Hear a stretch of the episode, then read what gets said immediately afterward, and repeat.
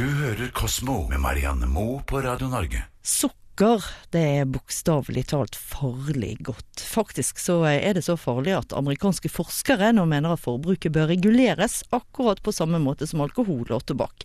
Bjørnar Kjensli fra forskning.no, hva er det egentlig som har fått forskerne til å rope et så høyt varsko med hensyn til eh, sukkerforbruket vårt akkurat nå? Nei, eh, disse amerikanske forskerne som har sett på dette, de eh, legger vekt på det at eh, vi spiser fryktelig mye mer sukker enn tidligere. Samtidig så blir, blir folk mer overvektige, og livsstilssykdommer som diabetes osv. Er, er vanligere enn noensinne. Og de har da altså pekt seg ut sukker, altså fruktose i vanlig sukker, og mener dette er den store synderen. Det er altså eh, fruktosen i sukkeret som det advares mot. Hvor finner man denne kjemiske forbindelsen i vårt daglige kosthold? Er det i alt som inneholder sukker? finnes først og fremst i vanlig sukker, eh, som vi kaller eh, sukrose, som egentlig er en eh, halvparten glukose og halvparten fruktose. Eh, og man finner det i frukt. Så dette er fruktsukker. Men nå blir vi anbefalt å spise mye frukt, og vi skal minst ha fem om dagen. Kan, kan vi rett og slett få overdose av frukt? Det kan man nok helt sikkert, men uh, dette her uh, gjelder uh, for så vidt ikke så mye frukt, men heller tilsatt sukker. Disse forskerne beskriver fruktosen som en saktevirkende gift. Betyr det at man kan dø av å spise for mye sukker? Ja, men det tar veldig lang tid. Eh, problemet med fruktose, altså framfor eh, for andre typer sukker, eh, er det at det blir liggende igjen i eh, leveren eh, som fett, eh, og det forbrennes ikke. så det kan jo skape sykdom. man kan få insulinresistens og diabetes, og man kan få høyt blodtrykk og ganske mange skumle bivirkninger av det. Dø av sukker, da skal du spise ganske mye sukker, men livsstilssykdommer det kan du absolutt få.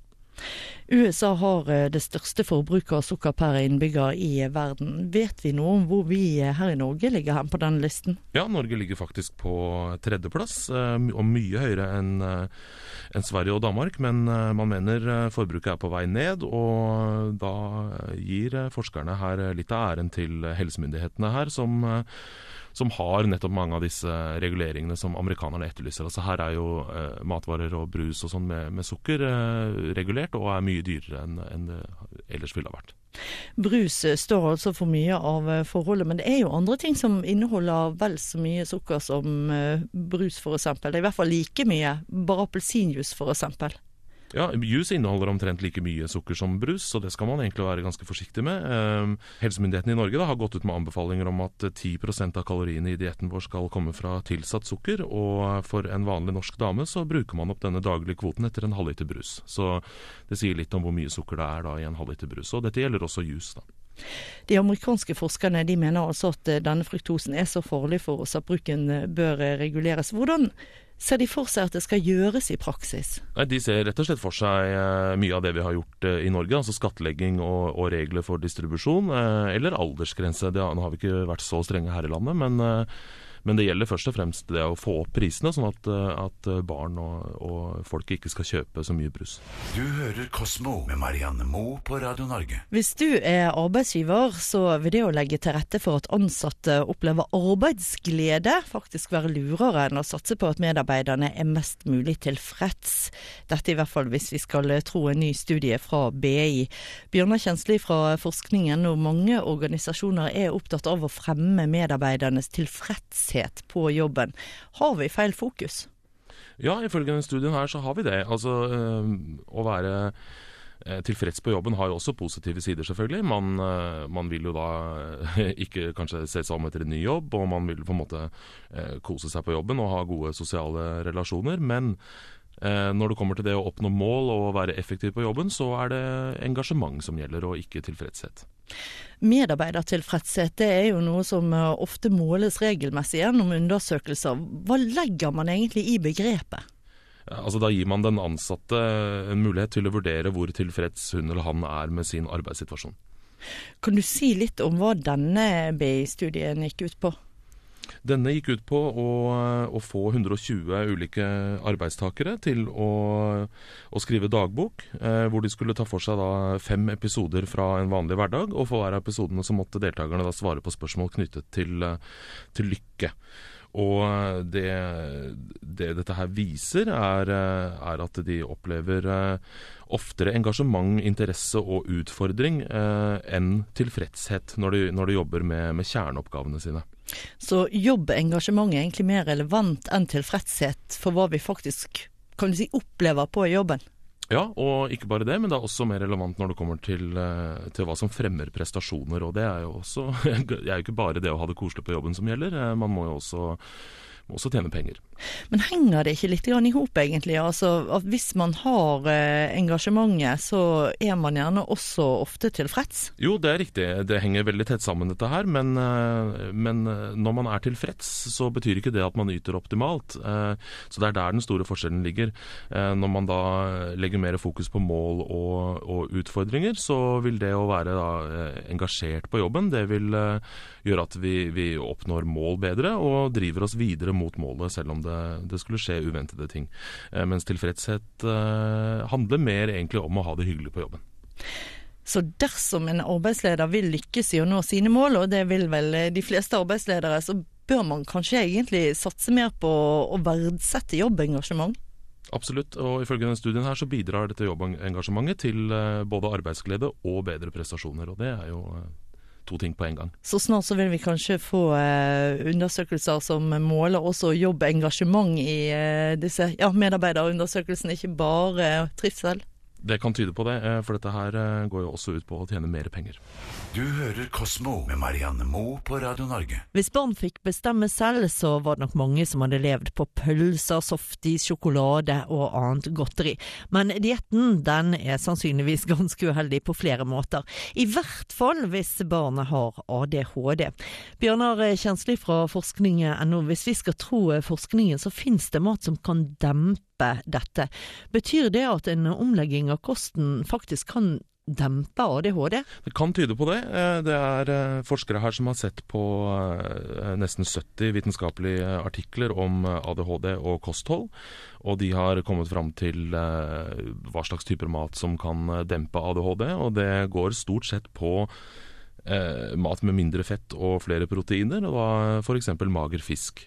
og dette kan da dempe ADHD hos noen barn. Så rådet blir vel da, på å si kort oppsummert, dropp fastfood og sånne ting, og spis heller sunt?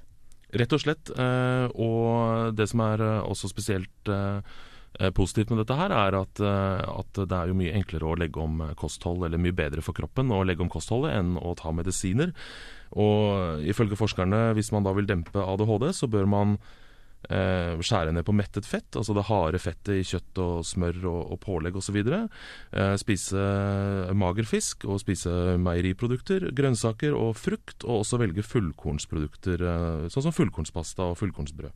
Men vil dette være nok? Altså Vil et tilrettelagt kosthold kunne fjerne behovet for eh, ADHD-medisin? Nei, det vil nok ikke fjerne ADHD. Eh, det kommer også av det at Eh, man eh, gir ADHD-diagnoser ganske ulikt rundt omkring. Ulike leger gir eh, til ulike barn, og forskjellene mellom landene er også store. så man det, det, det, dette er veldig vanskelig å studere, for man vet ikke alltid om barn faktisk har ADHD eller ikke. Så med kostholdet så kan man nok ikke fjerne ADHD, men man kan dempe mange av symptomene. Og heller kanskje ikke bra å sette et fullstendig friskt barn på diett før man er 100% sikker på diagnosen? Nei, kanskje ikke, men det skader jo ingen å spise mager fisk uansett, egentlig, da. Men det har også eh, vært mistenkt at en del mat rett og slett kan forårsake ADHD-diagnosen. Og nøtter er jo en av de tingene som går igjen eh, begge steder her. Anbefales man fortsatt å holde seg borte fra denne type varer hvis man vil eh, bekjempe ADHD? Altså er det spesiell mat man, som står på en fyrliste? Nei, altså egentlig ikke. Eh, man, man, har trodd tidligere da at nøtter og meieriprodukter, som, som, jo nettopp var på den andre lista jeg akkurat sa, eh, også sjokolade, sitrusfrukter og kunstige farger, eh, og også salicylater, som finnes naturlig i planter, det har man trodd eh, kan eh, framskynde ADHD eller gi ADHD, men dette er forskerne nå ganske skeptiske til, og de tror heller at dette her har en sammenheng med å være allergisk mot noen av disse matvarene. Du hører Kosmo med Marianne Moe på Radio Norge. Vi mennesker liker å tro at visse evner er eksklusive for oss, sånn som f.eks. For forståelse av matematikk og abstrakte systemer, men det er jo langt fra tilfellet. Bjørnar Kjensli fra forskningen og tidligere her i Kosmos har vi sett på likheten mellom oss mennesker og apene og oppdaget at eh, forskjellen her er jo forsvinnende liten. Nå viser ny forskning av luftens rotter, duene, at de også kan ha mer til felles med apene enn det vi så langt har trodd. I hvert fall når det kommer til eh, telling og matematikk. Kan du si litt om det? Ja, det er eh, newzealandske forskere som har eh, trent duer til å telle. Eh, de har lagd et tallsystem som går ut på ulike Altså det er ulike figurer, altså et antall figurer. Altså tre rundinger f.eks. inn i en firkant symboliserer tre, to symboliserer to osv. Eh, de har altså lagd eh, disse figurene sånn at de har eh, forskjellige farger og andre ting er forskjellige med de, eh, for å kontrollere at det er rett og slett antallet eh, figurer inn i disse firkantene som, som duene legger merke til. Eh, og duene har, har da lært seg å eh, sette disse i eh, tall i riktig rekkefølge fra venstre mot høyre, og de har også lært seg, eh, hvis man introduserer et nytt tall, eh, som de aldri har sett før, så forstår de det abstrakte konseptet, og så setter de det tallet inn på riktig sted. Og det eh, var man ikke klar over at duer eh, kunne. Så, så duer er eh, smartere enn vi trodde. Ja, Og forskerne er sikre på at det ikke er bare tilfeldige ting som har ført til disse resultatene. Ja, eh, de mener at duene mestra dette med så klar margin at det, dette kunne ikke være tilfeldig. Så det man begynner å lure på nå, er kanskje enten så har da fugler lært seg å telle på egen hånd, eller så kan dette være en egenskap som er så sentral i, eh, i eh, dyr at det sitter igjen fra før fugler og mennesker på en måte skilte lag og ble to helt forskjellige grupper. Nå har jo det de siste årene blitt forsket mye på fuglers eh, intellekt. Kan vi si at gjennom denne forskningen her så har man kommet til et punkt hvor man må oppjustere den intellekte statusen, for å si det sånn, til eh, disse dyrene? Ja, absolutt. Eh, eh, En av grunnene til at vi har oppdaget at fugler eh, er så mye smartere, gjelder særlig kråker, har man forska mye på i det siste. Eh, En av grunnene til at vi finner ut at de er så smarte, er jo at vi forsker så mye på dem.